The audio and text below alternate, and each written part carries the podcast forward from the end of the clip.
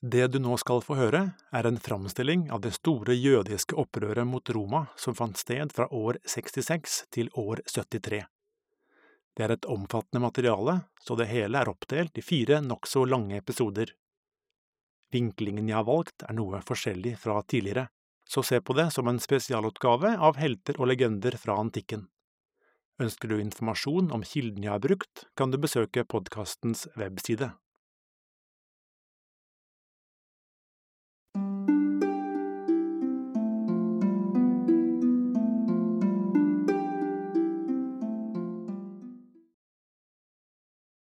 Romerne er hurtige og modige i strid, og skaper frykt og skrekk i alle nasjoner. Fra fjerne land kommer de, og som ørnen fortærer de alle folk i sin vei. De samler rikdommer og all jordens frukt, som andre fanger fisk i havet. År etter år påfører de folk skatter og byrder og får sin næring fra dette. På den måten legger de mange land øde.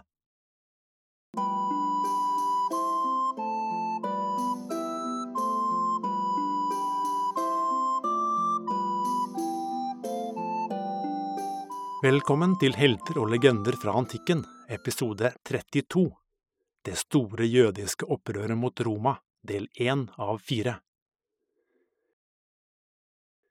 Hvor langt er du villig til å gå for å beskytte dine nærmeste, din familie og dine barn?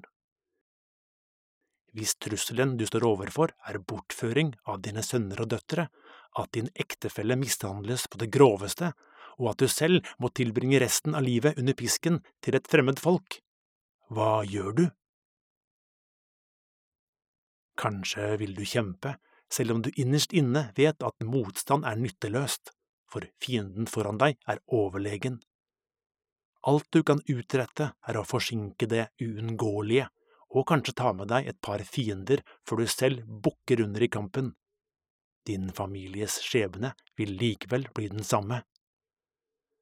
Men eh, det finnes et alternativ som gir deg full kontroll over utfallet, og som vil spare dine kjære fra utbytting, vold og slaveri. Men eh, det er samtidig et valg så ekstremt og uhyrlig at det vil gi gjenklang gjennom tusener av år. Noen vil kalle deg helt, men for mange vil du være et monster. Disse spørsmålene ble intenst drøftet av en gruppe menn i ørkenfestningen Masada en dag i april år 73. Dette er historien om hendelsene som ledet fram til denne skjebnesvangre dagen. For de som reiser østover fra Jerusalem, venter mange og lange nedoverbakker. Motorveien fører deg stadig lavere, og følger du med på GPS-en, ser du på et visst tidspunkt at du har havnet under havets overflate. Samtidig skifter landskapet karakter, fra vegetasjonsrike dalsider til stadig mer karrige områder. Til slutt er nedstigningen fullført, og du befinner deg i et slettelandskap med en og annen palmeplantasje langs veien. Når du setter kursen sørover, tar det ikke lang tid før plantasjer og dyrka mark må vike for rød og sandfarget fjell, stein og grus, den judeiske ørken. Litt til langs veien, og du vil se deg glitre i blålig vann på venstre side. Selv om det på avstand ser innbydende og livgivende ut, i hvert fall på en varm sommerdag, er det i virkeligheten et bedrag. Dødehavet har et saltinnhold som umuliggjør enhver form for liv, slik har det vært i årtusener.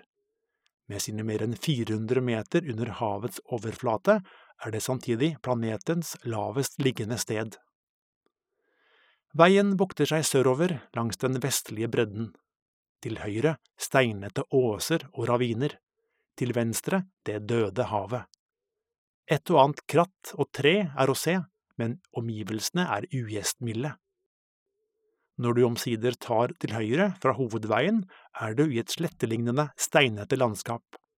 En rekke fjell, nokså avrundet på toppen, reiser seg der framme, hvor ett skiller seg ut ved å være omgitt av lange og bratte skrenter, mens den øverste delen opp mot platået er nær loddrett. Det er først på parkeringsplassen du innser hvor høyt fjellet er, for det reiser seg over 400 meter fra slettelandskapet rundt. Konturene av en bratt sti i sikksakk kan skimtes i den ene skrenten under det ruvende platået. Det neste som slår deg, er områdets gudsforlatte og øde karakter. Vann og mat er åpenbare knapphetsgoder, så hvordan var det mulig å leve der oppe, enn si bygge murer, boliger, templer og forsvarsverk? Hvordan kunne tusen mennesker, menn, kvinner og barn, overleve i årevis? Og hvis noen mot alle odds greier å bite seg fast på denne svære fjellknausen, hvordan kunne en fiende ha håp om å innta og erobre den? Masada utfordrer normale begreper for hva som er mulig. La oss dra tilbake i tid, 2000 år og mer. Skal vi ha håp om å forstå hva som ledet fram til Masada, må vi grave i fortiden, og vi må grave dypt. Den judeiske ørken og dens randsoner er karrige i dag, og var det også i antikken. Geografisk inngår den i området Judea, som sammen med Galilea et stykke lenger nord, grovt sett området ved Genesaretsjøen, og andre områder, utgjør det historiske hjemlandet til det jødiske folk. Men for 2000 år siden, som i dag, bildet var komplekst. Flere andre folkeslag levde i de samme områdene, samaritanere, grekere, romere og andre. Navnet, eller navnene, på landet har skiftet gjennom tidene i takt med hvem som har sittet med makten eller gjort krav på den. Kanan, Det lovede land, Det hellige land, Kongeriket Jerusalem, Palestina, Israel. Andre navn har også vært brukt. I dag er det Israel og palestinerne som kniver om kontrollen over disse territoriene, som i uminnelige tider er blant de mest omstridte på jorda. At et land har vært, og er, gjenstand for så mye uenighet og strid, er fascinerende, men også dypt tragisk. Fascinerende fordi lag på lag med hendelser i fortiden kan hjelpe oss med å forstå hvor mye som står på spill for de som bor der i dag. Tragisk fordi de menneskelige omkostningene gjennom historien har vært skyhøye. I disse fire episodene skal vi bare løfte på en liten flik av det enorme teppet av historie, men de hendelsene vi tar for oss, var skjellsettende, ikke bare for de som den gang levde, men også for påfølgende generasjoner og folk i vår tid. For 2000 år siden var historien her allerede eldgammel. Hopper vi enda 2000 år tilbake, møter vi Abraham, selveste patriarken og grunnleggeren av de monoteistiske religionene. Ifølge Det gamle testamentet utvandret han og hans familie fra Mesopotamia, nåværende Irak, til landet Kanaan, hvor han inngikk en pakt med Gud. Hvis han lovet å tilbe og ære Gud som den eneste sanne Gud, ville Abraham og hans slekt kunne forbli. Som kjent regner både jøder, muslimer og kristne Abraham som en nøkkelperson i grunnleggelsen av sin religion men for jødene har han en særskilt betydning som stamfar til hele det jødiske folk. Og Kanaan var altså landet som Gud skjenket Abraham og hans etterkommere. På denne måten fikk Guds utvalgte folk sitt eget land, og det Herren har bestemt, bør ikke lett ignoreres. Selv om den bibelske Abraham trer tydelig fram for oss, kan ikke det samme sies om den historiske Abraham. Få forskere, inkludert bibelforskere, vil i dag påstå at han fantes i virkeligheten. Og selv om Kanaan, ifølge jødenes hellige skrifter, fløt av melk og honning, kan ikke alt ha vært idyll. Landet rammes av hungersnød, og folket må søke tilflukt i Egypt, et av oldtidens mest fruktbare områder. Men selv om sulten stagges, oppstår det over tid alvorlige problemer, og folket fra Kanaan gjøres etter hvert til slaver for Egypts mektige faraoer. En helt trer fram, Moses, og Bibelen beretter at han etter mange hindringer greier å befri sitt folk fra faraoenes åk og starte ferden tilbake til det lovede land. Men mange problemer må overvinnes før det store eksodus kan gjennomføres, og ved Rødehavets bredder er egyptiske soldater i hælene på dem. Men Gud griper heldigvis inn og deler havet i to, slik at folket kan gå tørrskodd over. Det viktigste som skjer under den årelange vandringen hjem, er at Moses på Sinai-fjellet mottar de ti bud, en samling leveregler som kristne og jøder i all ettertid har ønsket å etterleve, med stor sannsynlighet verdens mest innflytelsesrike regler. Moses lykkes til slutt med å føre sitt folk tilbake til Kanaan, men i en alder av 120 år er det slutt på kreftene, og han forlater denne verden. Heller ikke Moses er en historisk dokumentert person, men for de som er sterke i troen, utførte han sine gjerninger ca 1300 år før vår tidsregning. Frigjøringen fra Egypt er opphavet til jødenes viktigste høytid, Peisak, som markeres ved påsketider. Vi er nå i en fase hvor vi sakte beveger oss vekk fra legender og nærmer oss historisk dokumentert tid, som kan backes opp med arkeologi, tekster og annet kildemateriale. Perioden starter noe over 1000 år før vår tidsregning og kalles kongetiden. Den omfatter skikkelser som virkelig ruver i bibelhistorien, som kong Saul, kong David og kong Salomo, som var de tre første kongene i det forente kongeriket Israel. Bibelen har detaljerte beskrivelser av deres gjerninger. Kong David, underdoggen som beseiret Goliat med et velrettet kast med slyngen, står i en særstilling. Veien til kongemakt setter ham på mange prøver, men Gud holder sin hånd over ham. David omtales som rettskaffen og en stor hærfører, men også dyktig musiker og poet, som i sin tid flytter hovedstaden til Jerusalem, hvor han regjerer over et stort og mektig rike.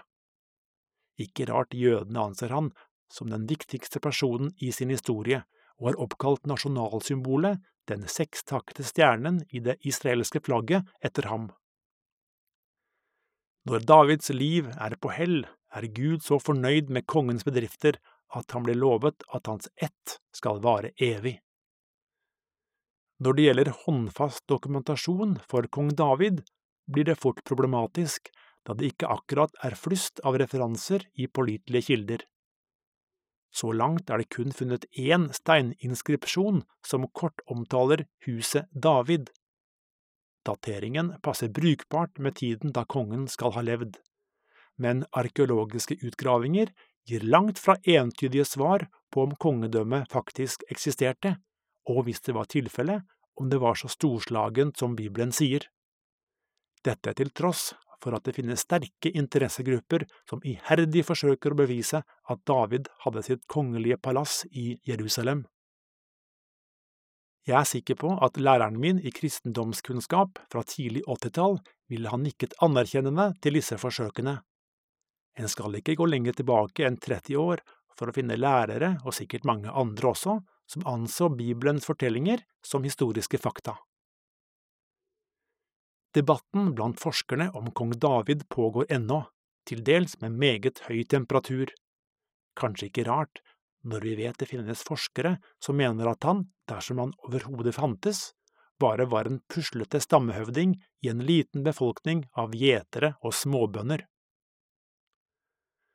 Men eh, Bibelen fortsetter ufortrødent sin beretning, og etter kong David overtar hans sønn Salomo som på 900-tallet før vår tidsregning bringer kongeriket til sin apex i form av storhet og innflytelse.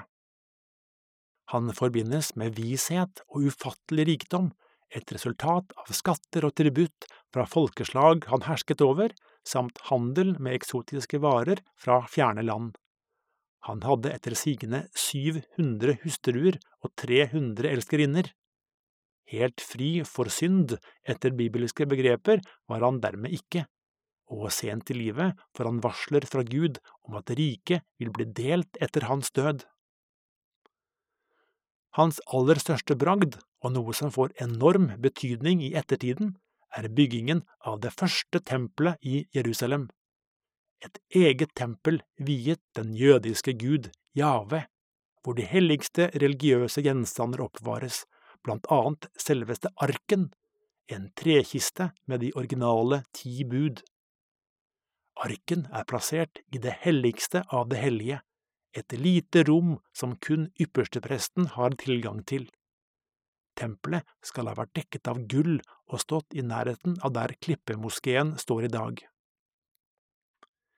Igjen, det er nær sagt null vitenskapelig dokumentasjon på at kong Salomo faktisk eksisterte. Mange flittige historikere og arkeologer har opp gjennom tidene blitt inspirert av de blomstrende omtalene i de hellige skriftene, men uten håndfaste bevis annenstedsfra blir det vanskelig å dokumentere. Det er heller ikke lagt fram overbevisende dokumentasjon på at det fantes et slikt første tempel i Jerusalem i det aktuelle tidsrommet. Det betyr ikke at det ikke var et tempel der, kanskje ligger restene av det gjemt under bakken. Uansett om det fantes eller ikke, det er vanskelig å overvurdere den symbolske betydningen av kong Salomos tempel, et storslagent gudshus viet Jave da det forente kongedømmet var på sitt aller mest strålende. Ettersom tiden går, blir tempelet omdreiningspunktet fremfor noe i jødedommen, og er med på å forklare den enorme betydningen Jerusalem spiller i jødisk historie nasjonsbygging og identitet. Nåtidens konflikt mellom Israel og palestinere har mange bestanddeler, men uenigheten om Jerusalem er blant de som stikker aller dypest. Det tradisjonelle jødiske synet er lett å forstå. Vi var her først! Hvis førsteretten er eneste kriterium, står dette argumentet sterkt. Det er bare det at eh, omtrent 1500 år lenger fram i tid i Mekka fødes det et guttebarn som i voksen alder mottar åpenbaringer fra Gud, åpenbaringer som blir fundamentet for en ny verdensreligion som snart også omfatter Jerusalem.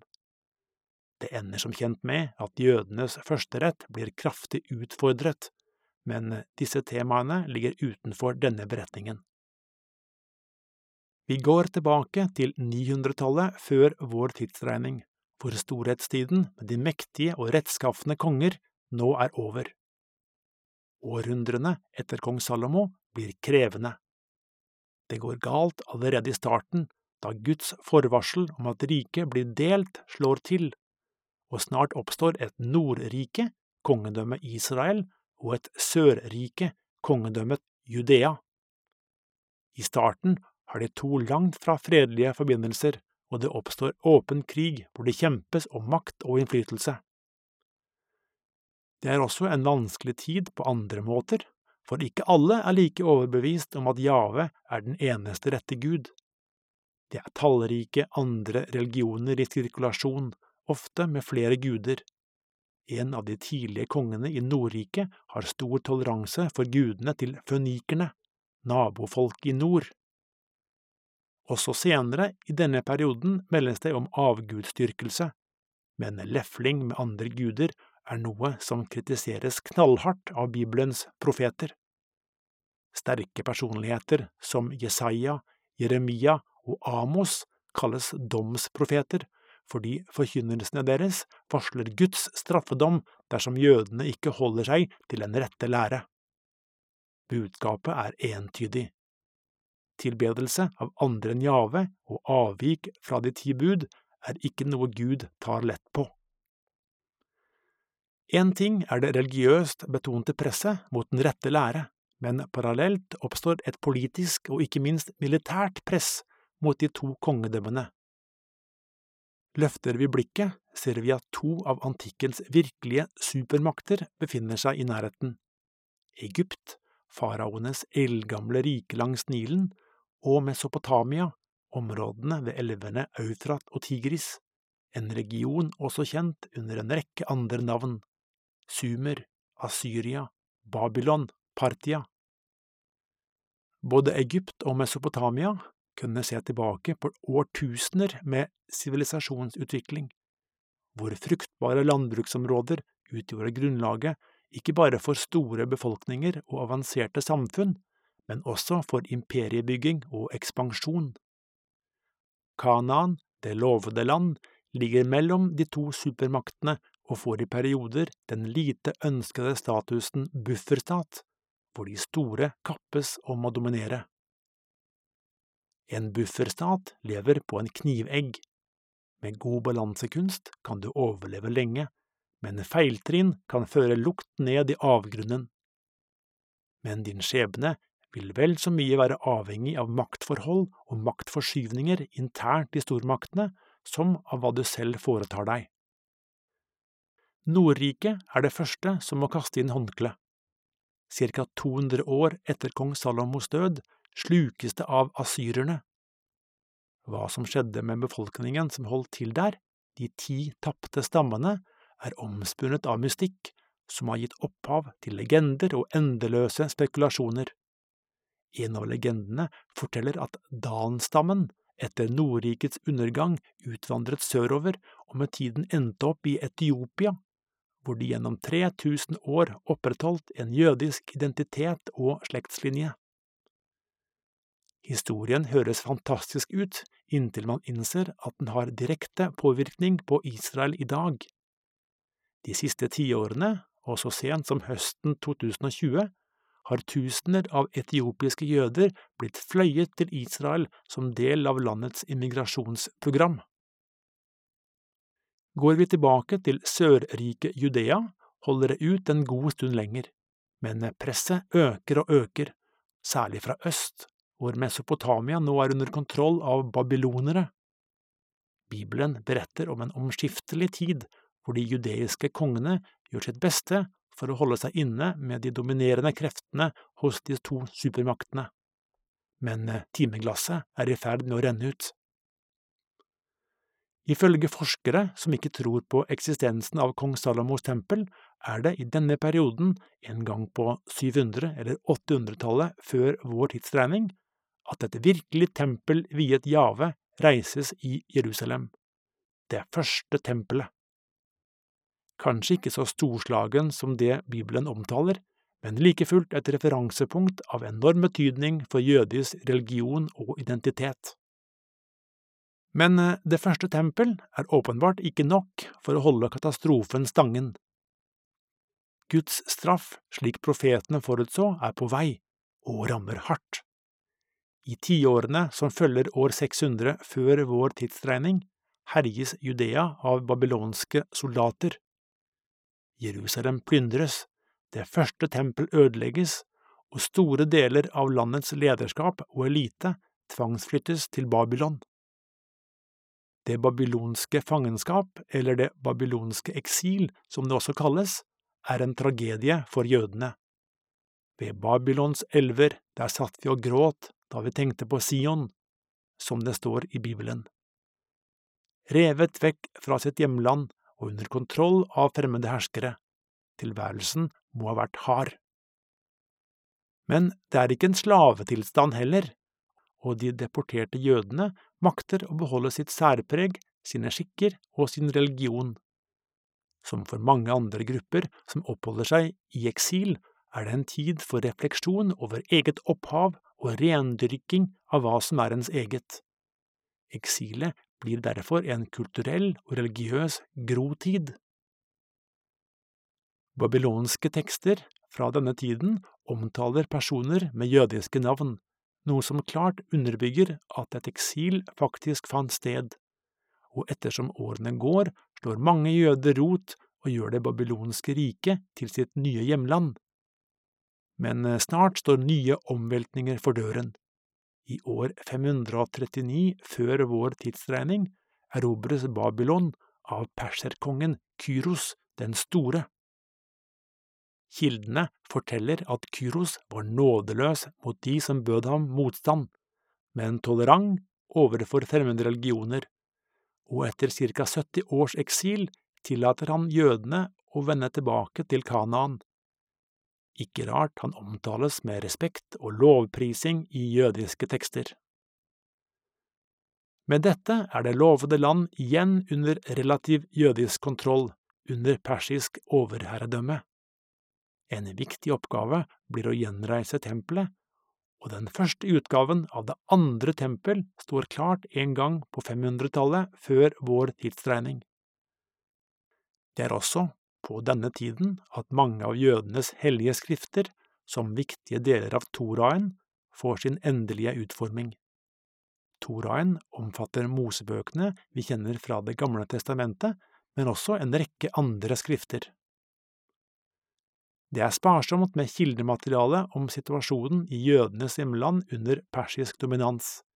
Mye tyder på at det var en periode med betydelig selvbestemmelse. Men eh, på den storpolitiske arena brygger det snart opp til storm. Tidlig på 300-tallet, før vår tidsregning, legger en kongssønn i Makedonia ut på et mangeårig felttog østover, som medfører enorme omveltninger. Alexander den store erobrer kongen fremfor noen, blir Perserrikets bane og stopper ikke før han når grensen til India. Hans eget imperium i øst blir kortvarig siden han dør i ung alder, men flere av de etterfølgende statene, grunnlagt av hans generaler, lever videre i 300 år. Erobringen av det vi i dag kaller Midtøsten, baner vei for en vidtgående hellenisering av hele regionen, ved at mange makedonere og grekere migrerer østover og bringer med seg sitt språk og sine tradisjoner. Den greske påvirkningen på jødisk kultur, men også på jødenes politiske handlingsrom, blir betydelig. Det største arvetakerriket etter Aleksander den store har sin hovedstad i Babylon. Riket omfatter Det lovede land, som er ett av mange perifere områder i et territorium med enorm utstrekning. En gresk-makedonsk elite tar kontroll over regjeringsapparatet og danner en overklasse i de større byene, hvor de dominerer toppsjiktet i politikk, kultur og handel. Gresk språk blir både et viktig administrasjonsspråk og kjennetegn på elevert status i samfunnet. Dette åpner nye muligheter for deler av den jødiske lokalbefolkningen. Ved å omfavne helleniseringen blir du koblet på kunnskap, informasjon og trender som går langt utover det du har tilgang til lokalt. Du får ting til felles med millioner av andre gresktalende spredt rundt i hele middelhavsområdet. Du har kanskje ikke mulighet til å reise til utlandet, men blir likevel verdensvant. For de som har ambisjoner om å opprettholde sin posisjon i samfunnet eller klatre på den sosiale rangstigen, går veien til suksess gjennom gresk språk og kultur. Heleniseringen gir seg også utslag i bygging av templer og statuer viet guder som Saus og Apollo i regionens mange byer. Som de fleste andre eliter har mange i den gresk-dominerte overklassen høye tanker om seg selv og sin etter datidens standard avanserte kultur. Kanskje ikke så rart når du står på skuldrene til Aristoteles og Platon og andre storheter innen vitenskap og filosofi, som ennå ruver i verdenshistorien. Men eh, selv om den greske overklassen i mange tilfeller respekterte lokale skikker og lokal religion, var det også eksempler på det motsatte. I dette lå det kime til fremtidig konflikt. De jødiske områdene ble sterkt påvirket av heleniseringen, særlig kystbyene, men også andre steder. Kildene beretter om Dekapolis, de ti byene som lå øst for det lovende land. Dette var byer med et markert gresk innslag, noen etablert av innvandrere, andre allerede eldgamle. Men også Jerusalem påvirkes, og rundt år 200 før vår tidsregning bygges det et gymnasium like i nærheten av Javes tempel. Et gymnasium var et sted for både fysisk fostring og undervisning i gresk vitenskap og kultur, og dermed attraktivt for familier som hadde ambisjoner om å komme seg opp og fram i samfunnet. Religiøst overbeviste jøder så det derimot som et fremmed og hedensk element, en trussel mot den rette lære og tradisjonelt levevis. Det må likevel ha vært svært så populært.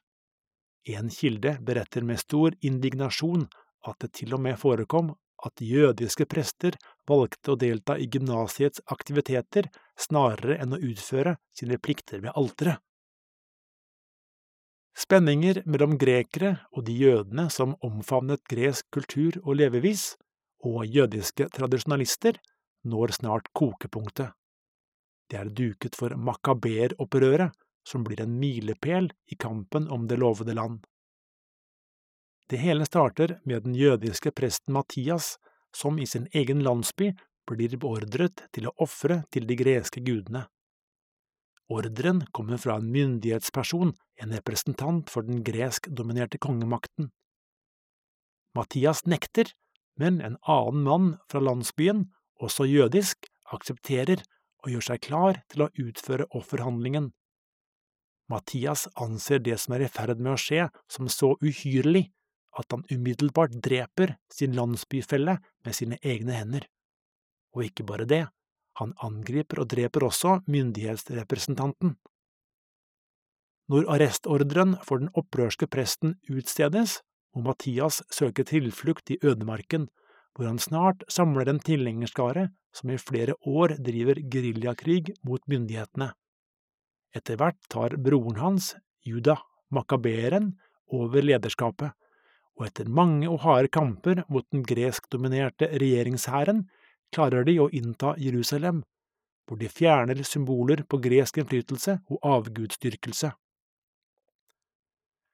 Høydepunktet nås når de en gang i år 164 før vår tidsregning inntar og renser selveste Javes tempel for alle fremmede innslag.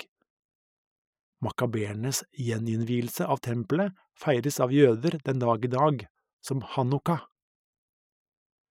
Nok en gang, det er ytterst sparsomt med bevis på hendelsene under makaberopprøret. Noen forskere tror det mer var en slags borgerkrig og maktkamp mellom ulike jødiske fraksjoner enn et storskala opprør mot kongemakten. Om det var stort eller lite, spiller kanskje mindre rolle, men ett er i hvert fall sikkert. Rett under overflaten ligger det dype konflikter jødene imellom. I årene som kommer, vil disse ri befolkningen som en mare. Ikke desto mindre, et selvstendig jødisk rike i områdene rundt Jerusalem ser dagens lys. Parallelt svekkes innflytelsen til de helenistiske arvtakerrikene etter Aleksander den store. Nye stormakter, som vi snart skal høre mer om, er i ferd med å innta arenaen. I det lovede land er konsekvensen i første omgang mindre innblanding fra Babylon eller andre byer hvor kongemakten måtte befinne seg. Makten i det selvstendige jødiske riket innehas av mektige lokale slekter som kalles det hasmonske dynasti. Fra et nokså begrenset område rundt Jerusalem utvider de sitt territorium til å omfatte Galilea ved Genesaretsjøen og flere andre områder. Kildene antyder at det foregikk konvertering til jødedommen, eller i hvert fall en forsterking av jødisk tro på bekostning av andre trosretninger. Dette er også en periode hvor presteskapet, ikke minst de som innehar de religiøse toppstillingene i Jerusalem, befester sin posisjon og blir virkelige maktfaktorer i samfunnet. De høyeste presteembetene innehas ikke overraskende av landets mektigste familier. Til tross for at dette er en nokså god periode for jødisk religion og identitet, står helenismen ennå sterkt. De jødiske kongene kaller seg Basileus, som betyr konge på gresk, og noen tar også greskklingende navn. Men en rolig tid er det absolutt ikke. Det er bitre interne maktkamper, strid om trosspørsmål og nådeløse kriger mot nabofolk. En av kongene på denne tiden, Alexander Janeus, som i perioder også var yppersteprest, har fått ettermæle som en enerådende og grusom hersker. Ifølge kildene var han ansvarlig for flere store massakrer, ikke bare mot fiendtlige nabofolk og politiske motstandere, men også kvinner og barn. I 2018 fant arkeologer resten av 125 menn, kvinner og barn i en brønn i Jerusalem, hvor mange hadde blitt halshogd. Dateringen av knoklene passer bra med tiden Alexander Janeus var konge, som var rundt 100 år før vår tidsregning. I tillegg til interne stridigheter er landet på ingen måte frakoblet den regionale maktpolitikken, hvor en ny aktør nå er i ferd med å tre inn på arenaen – Romerriket. Romerriket var en ny spiller i denne delen av verden, men hadde allerede over 600 år med historie og sivilisasjonsutvikling å vise til. Roma hadde i sin tid vært en småkrabbe i bøtta, en av mange byer som kjempet for overlevelse i harde og fiendtlige omgivelser, alltid utsatt for å bli slukt av de store. Men eh, takket være besluttsomhet, seighet og en sterk vilje til ekspansjon ble det isteden Roma som slukte de andre.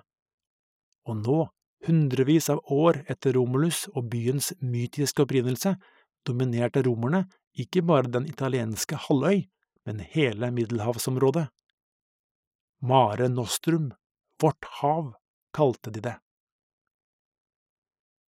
Den romerske ekspansjonen fortsetter under ledelse av dyktige generaler, og en av de aller mest fremgangsrike er Pompeius den store, som legger under seg svære områder øst for Middelhavet. Pompeius felttog valser over små og store land og kongedømmer og gjør dem til Romas undersåtter og dermed kilder for tributt og inntekter i et sinnrikt system preget av tvang og underkastelse, men også alliansebygging og samarbeid. I år 64 før vår tidsregning er turen kommet til Syria, som i likhet med en rekke andre områder blir annektert på vegne av Roma, og Pompeius tar en periode opphold i Damaskus.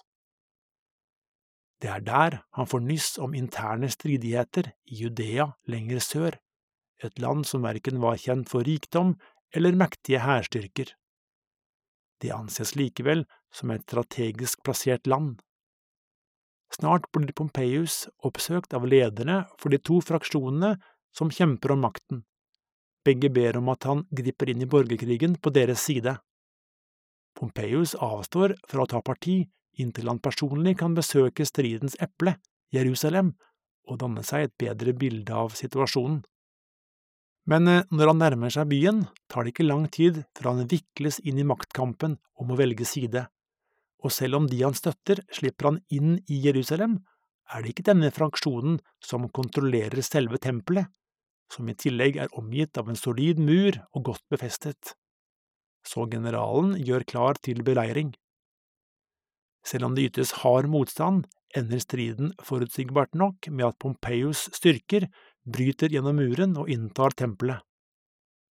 Prester og tempeltjenere slaktes ned for fote. Men ikke bare går mange liv tapt.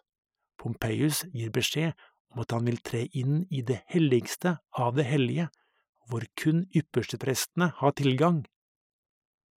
Vi kan se for oss forferdelsen i de gjenværende prestenes ansikter når den romerske hærføreren og hans livvakter går inn i tempelet, et helligbrøde av verst tenkelige sort. Dette kan umulig være Guds vilje.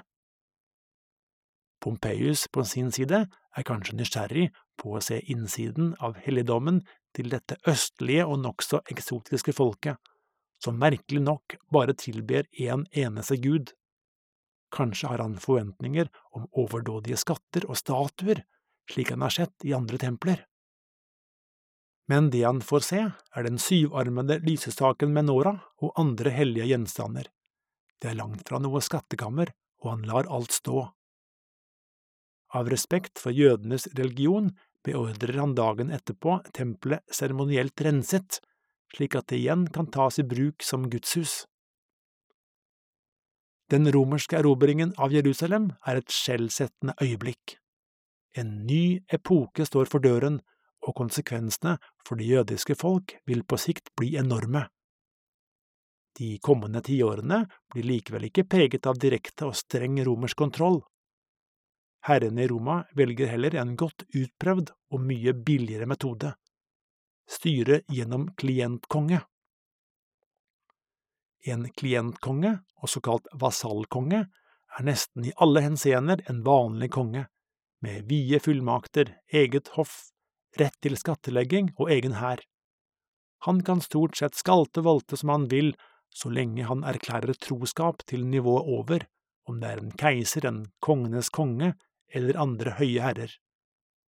Men av og til vil de høye herrer kreve konkrete ytelser, som tributt og skatt, bygging av veier eller soldater til felttog, og nåde den klientkonge som ikke oppfyller sin plikt. Da er det ikke langt fra Kapitol til den terpeiske klippe. En av de mest berømte og omstridte klientkongene i hele antikken er i ferd med å innta scenen, kong Herodes, ofte kalt Herodes den store. Fra Bibelen kjenner vi ham som den grusomme tyrannen som beordret drap på alle Betlehems guttebarn under to år fordi noen hadde framsatt en profeti om en stor konge som skulle bli født. Og det kunne man ikke ha noe av. Jødene hadde allerede en konge, og det var Herodes. I dag tviler mange historikere på at en slik ordre ble gitt, men som vi skal høre, var Herodes kapabel til å gå til ekstreme skritt for å trygge sin posisjon. At det ble begått babydrap i kongens navn, kan ikke utelukkes. Herodes vei til toppen var langt fra plankekjøring, for tiden etter Pompeius' erobring preges av uro og bitre maktkamper. Det hasmonske dynasti forsøker å bevare sin posisjon, men er innbyrdes splittet og utfordres også av sterke krefter utenfor elitenes sirkler. Antipater, far til Herodes og høytstående embetsmann fra Idomea, et sparsomt befolket område sør for Jerusalem, er en slik sterk kraft. Han klarer det kunststykket å bli venn med selveste Julius Cæsar, som på denne tiden er i bitter maktkamp med Pompeius. Kildene beretter at Antipater på et avgjørende tidspunkt kom Cæsar til unnsetning i Egypt, noe den kommende lederen av Romerriket senere gjengjelder ved å gi Antipater sjenerøse gaver og til og med romersk statsborgerskap. Det er Antipaters politiske kløkt og manøvrering i de høyeste sirkler i Judea og hans lojalitet til Roma som blir springbrettet for Herodes maktovertakelse. Som ung mann blir Herodes utnevnt til en viktig embetsmannsstilling i Galilea og får ansvar for skatteinnkreving og lov og orden. Herodes er dyktig i jobben og har fullt ut forstått de rådende maktforholdene så han pleier tett kontakt med høytstående romerske embetsmenn. I takt med at han får mer og mer ansvar, tar han også en aktiv rolle i de evinnelige interne stridighetene i den jødiske eliten, noe som ikke er risikofritt. På et visst tidspunkt må han flykte fra landet og sette kursen mot Roma, verdens hovedstad, som også er stedet hvor små lands skjebne avgjøres i kynisk maktpolitikk. Herodes gjør åpenbart et mektig inntrykk på de høye herrer, for snart gir det romerske senatet ham tittelen jødenes konge. I dette ligger det soleklar forventning om lojalitet til Roma, men Herodes kan reise tilbake til hjemlandet med en oppbacking han tidligere bare kunne drømme om. Etter et par års intens krigføring, hvor støtte fra romerske styrker spiller en viktig rolle, inntar han Jerusalem i år 36 før vår tidsregning. Med dette blir han enehersker over de jødiske områdene under romersk overherredømme. Gjennom sine år som konge må han flere ganger forsvare sin posisjon mot utfordrere, selv fra sin egen familie. Det er disse maktkampene som gir han ry som tyrannisk og blodtørstig, for Herodes lar både sin kone, flere av sine sønner og sine svigerforeldre drepe, i tillegg til et ukjent antall politiske motstandere.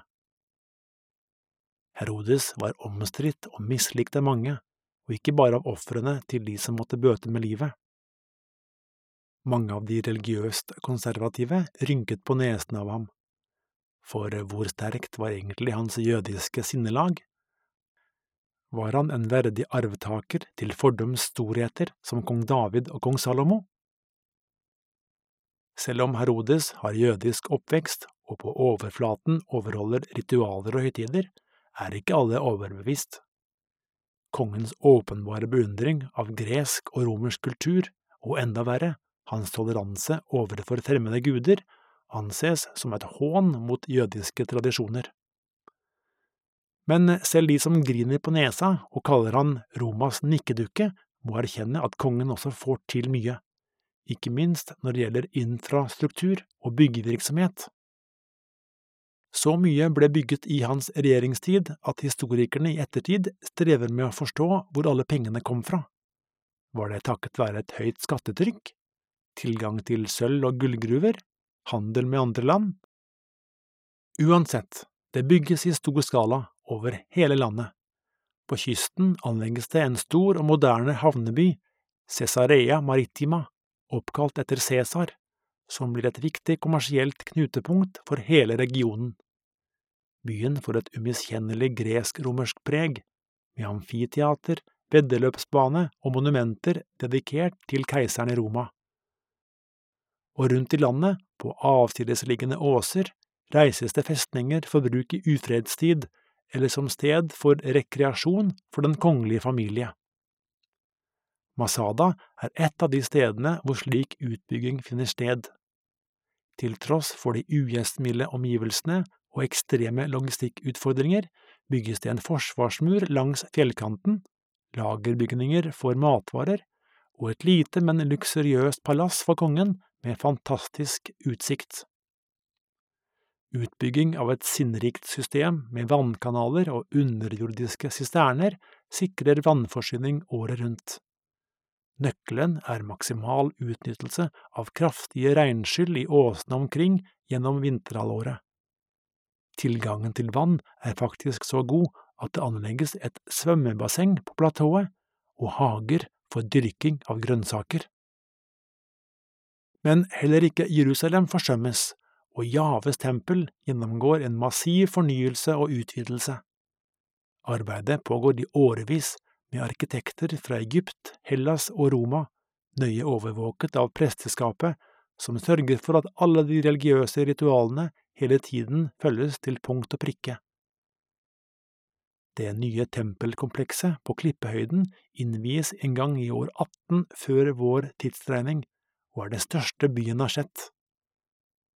Selve tempelet, en høy, rektangulær steinbygning med et monumentalt og høytidelig frontparti, er omgitt av en liten åpen plass omkranset av lave murer. Utenfor denne anlegges det en mange ganger større gårdsplass omgitt av søyleganger, et slags enormt samlingssted og flerbruksområde med salgsboder, spisesteder og alskens kommers.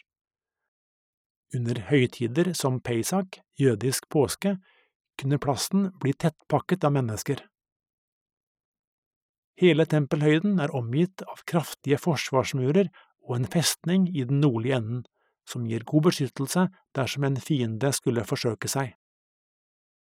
Kong Herodes er uglesett av mange, kanskje aller mest hos de religiøst konservative og presteskapet, men samtidig er dette mannen som skjenker det jødiske folk det mest storslagne tempelet en kan tenke seg. Skal man tro Bibelen, var kong Salomos første tempel et herlig skue, men alt tyder på at kong Herodes' versjon av det andre tempel var mangfoldige ganger mer imponerende. Herodes holder det gående som konge i hele 37 år, en i det store og hele fredelig periode uten opprør og omveltninger. Herren i Roma må si seg godt fornøyd med måten han har forvaltet deres tillit på men eh, de mange årene med hårfin balansegang mellom romerske forventninger, hans egne maktambisjoner og det ustanselige presset fra religiøse og andre grupperinger tærer på psyken hans, og Herodes blir så engstelig for tronraning at det grenser til paranoia. Og ikke bare det, mot slutten av livet gjennomgår han et sykeleie så smertefullt at han forsøker å begå selvmord, men mislykkes. Ironien ligger blytungt over en konge som selv har tatt så mange liv, men ikke klarer å avslutte sitt eget. Sykdommene tar til slutt knekken på ham, og mange trekker et lettelsens sukk. Men hvem skal nå overta makten? Har Herodes den store lagt et godt grunnlag for fortsatt fred og stabilitet i det lovede land? Det skulle snart vise seg at det ikke var tilfellet. Herodes hadde drept flere av sine sønner, men de tre yngste var påtenkt som etterfølgere. Kongedømmet ble dermed delt i tre, men siden Herodes i sin tid hadde fått sin kongetittel av Roma, kan ikke sønnene automatisk gjøre krav på samme status.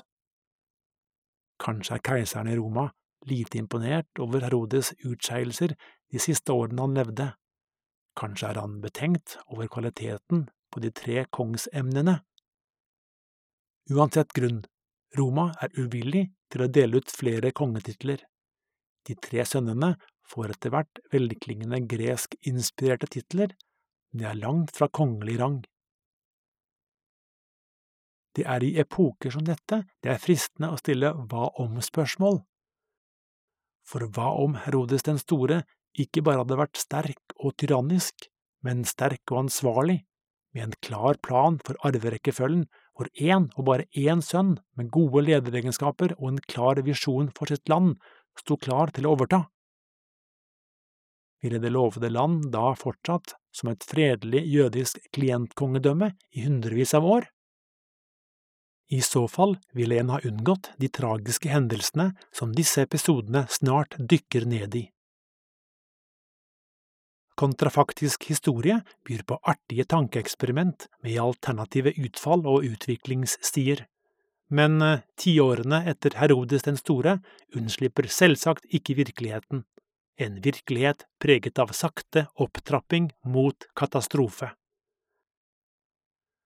Arkelaus, sønnen som overtar Judea hvor Jerusalem ligger, får den verst tenkelige starten på sin regjeringstid.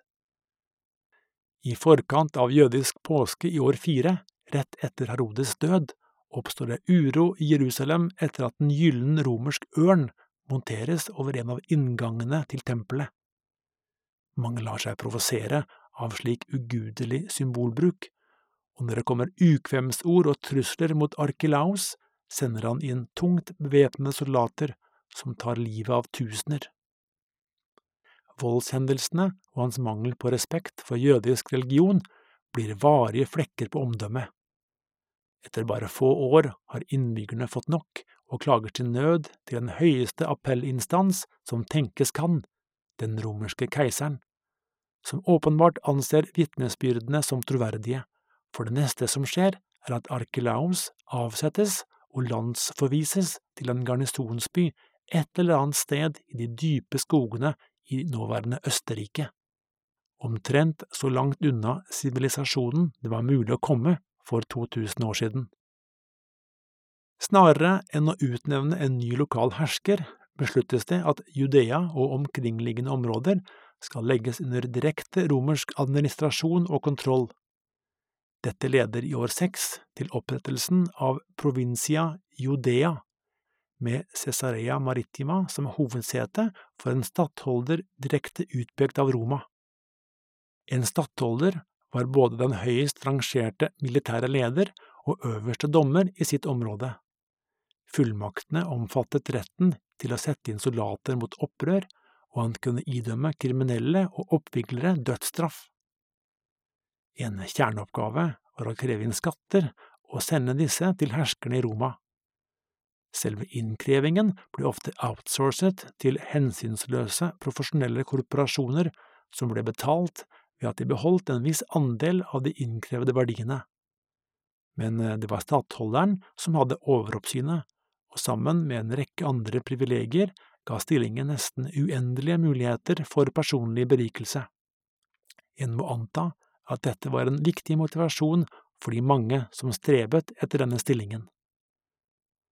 Kildene beretter om romerske provinser hvor skattleggingen gikk så langt at de lokale innbyggerne ble drevet til ytterligheter. I år 90 før vår tidsregning, i en provins på vestkysten av nåværende Tyrkia, førte dette til at en romersk general, etter å ha blitt tatt til fange av fienden, drepes på grusomste vis. Ikke så mye fordi han hadde ledet romerske soldater i kamp, men fordi han var sønnen til en grådig stattholder som gjennom høye skatter skamløst hadde beriket seg selv på lokalbefolkningens bekostning.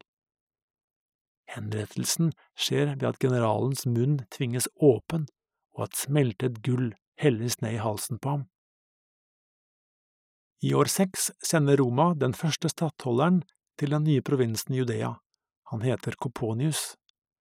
Det er sparsomt med informasjon om ham, om han var respektert eller forhatt, men mye tyder på det siste, siden det omtrent samtidig med tiltredelsen finner sted et lokalt opprør. Grunnen er at romerne vil registrere alle innbyggerne i et sentralt register for å lettere kunne skattlegge dem. Fra før av var befolkningen pålagt å betale en rekke skatter og tiender til rike landeiere, tempelet i Jerusalem og andre. Med Romas krav på toppen blir den samlede byrden overveldende, og mange nekter å la seg innskrive. Opprøret slås hardt ned, og den brutale romerske framferden gir grobunn for en bitterhet som de kommende tiårene vokser seg sterkere og sterkere. Vi vet at Koponius og hans etterfølgere tilbrakte mye tid i provinshovedstaden Cesarea Maritima, en internasjonal by etter datidens standard, med gode fasiliteter og dominert av gresk-romersk kultur og arkitektur.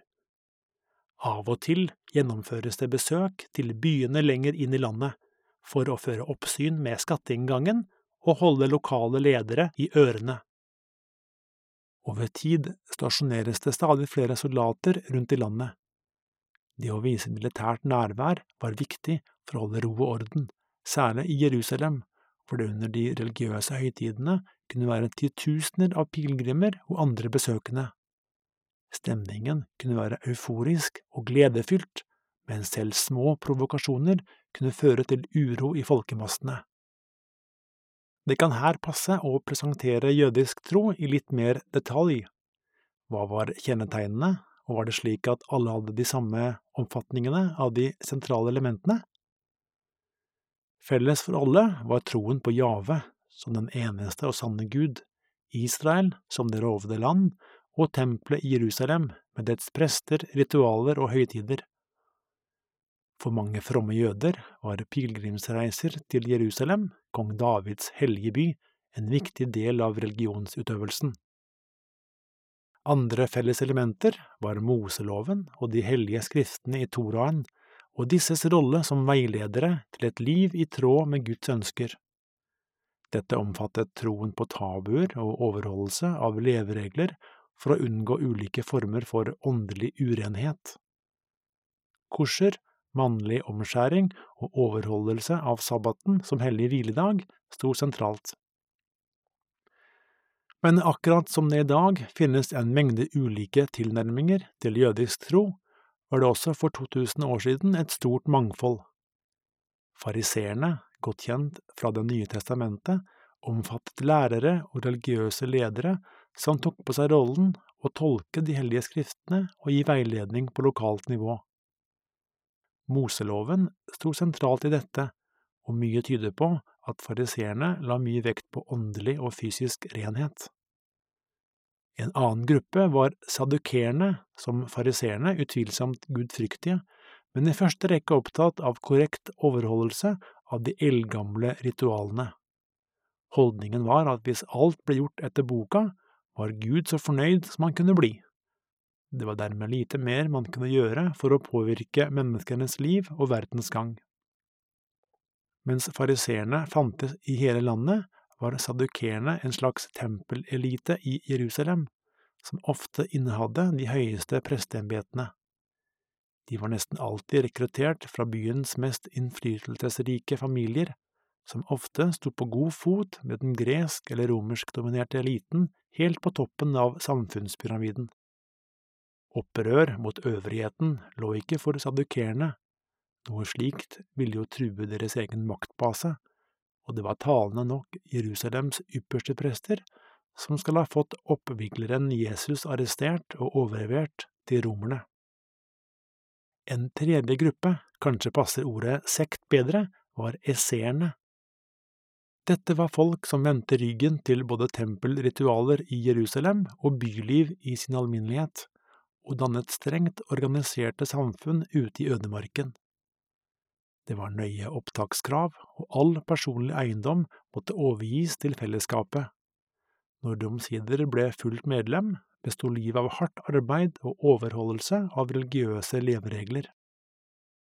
Historikerne mener å kunne dokumentere at esseerne var en dommedagskult som mente det snart ville bryte ut voldsomme kamper mellom det gode og det onde. Førstnevnte omfattet naturligvis esseerne selv, som representanter for fromhet og rettskaffenhet, mens det onde var avgudsdyrkere og inntrengere utenfra. Ingen passet definisjonen på det onde bedre enn romerne, og en tekst funnet i esseernes hovedsete i Qumran ved Dødehavet viser dette på en direkte måte. Romerne er hurtige og modige i strid, og skaper frykt og skrekk i alle nasjoner. Fra fjerne land kommer de, og som ørnen fortærer de alle folk i sin vei. De samler rikdommer og all jordens frukt, som andre fanger fisk i havet. År etter år påfører de folk skatter og byrder og får sin næring fra dette. På den måten ligger de mange land øde. Holdninger som dette ble med all sannsynlighet også delt av en fjerde gruppe som kildene beretter om, selotene. Selotene var en slags ultranasjonalister, like opptatt av politiske spørsmål og jødisk selvbestemmelse som av religion. De anså at de som samarbeidet med romerne, var quislinger, og quislinger må rydde seg veien. En undergruppe av selotene, sikariene, gikk til ekstreme skritt ved å utføre spektakulære knivdrap på øvrighetspersoner, gjerne i full offentlighet. Ved å gjemme knivene i klærne og blande seg med folkemengden kunne de ramme som lyn fra klar himmel og etterlate en eller flere blodige ofre på bakken. Om det var religiøs eller politisk fanatisme som lå bak, eller begge, kan sikkert diskuteres, men sikariene var fryktet og hatet av den romerskvennlige samfunnseliten. Jødisk nasjonalisme, frihetslengsel og religiøs overbevisning som møter romersk undertrykking og utbytting, ofte med ivrig støtte fra landets egen elite. Disse skarpe motsetningene river og sliter i den unge provinsen. De utgjør en giftig miks av ingredienser i en gryte som nærmer seg kokepunktet. For vanlige folk på landsbygda og i byene om det er bønder, håndverkere, handelsmenn eller butikkeiere, er skattetrykket en stor bekymring. Jo mer grøde og inntekt som må avgis til øvrigheten, desto mindre sitter den igjen med for å mette familien og møte de daglige behov. Det er likevel religiøse spørsmål, nærmere bestemt det som oppfattes som romerske fornærmelser av jødisk gudstro, som skaper mest forbittelse. Vi setter strek for denne gang. I neste del skal vi høre hvordan situasjonen i det lovede land eskalerer mangfoldige hakk og til slutt bryter ut i full krise. Så følg med i neste episode av Helter og legender fra antikken.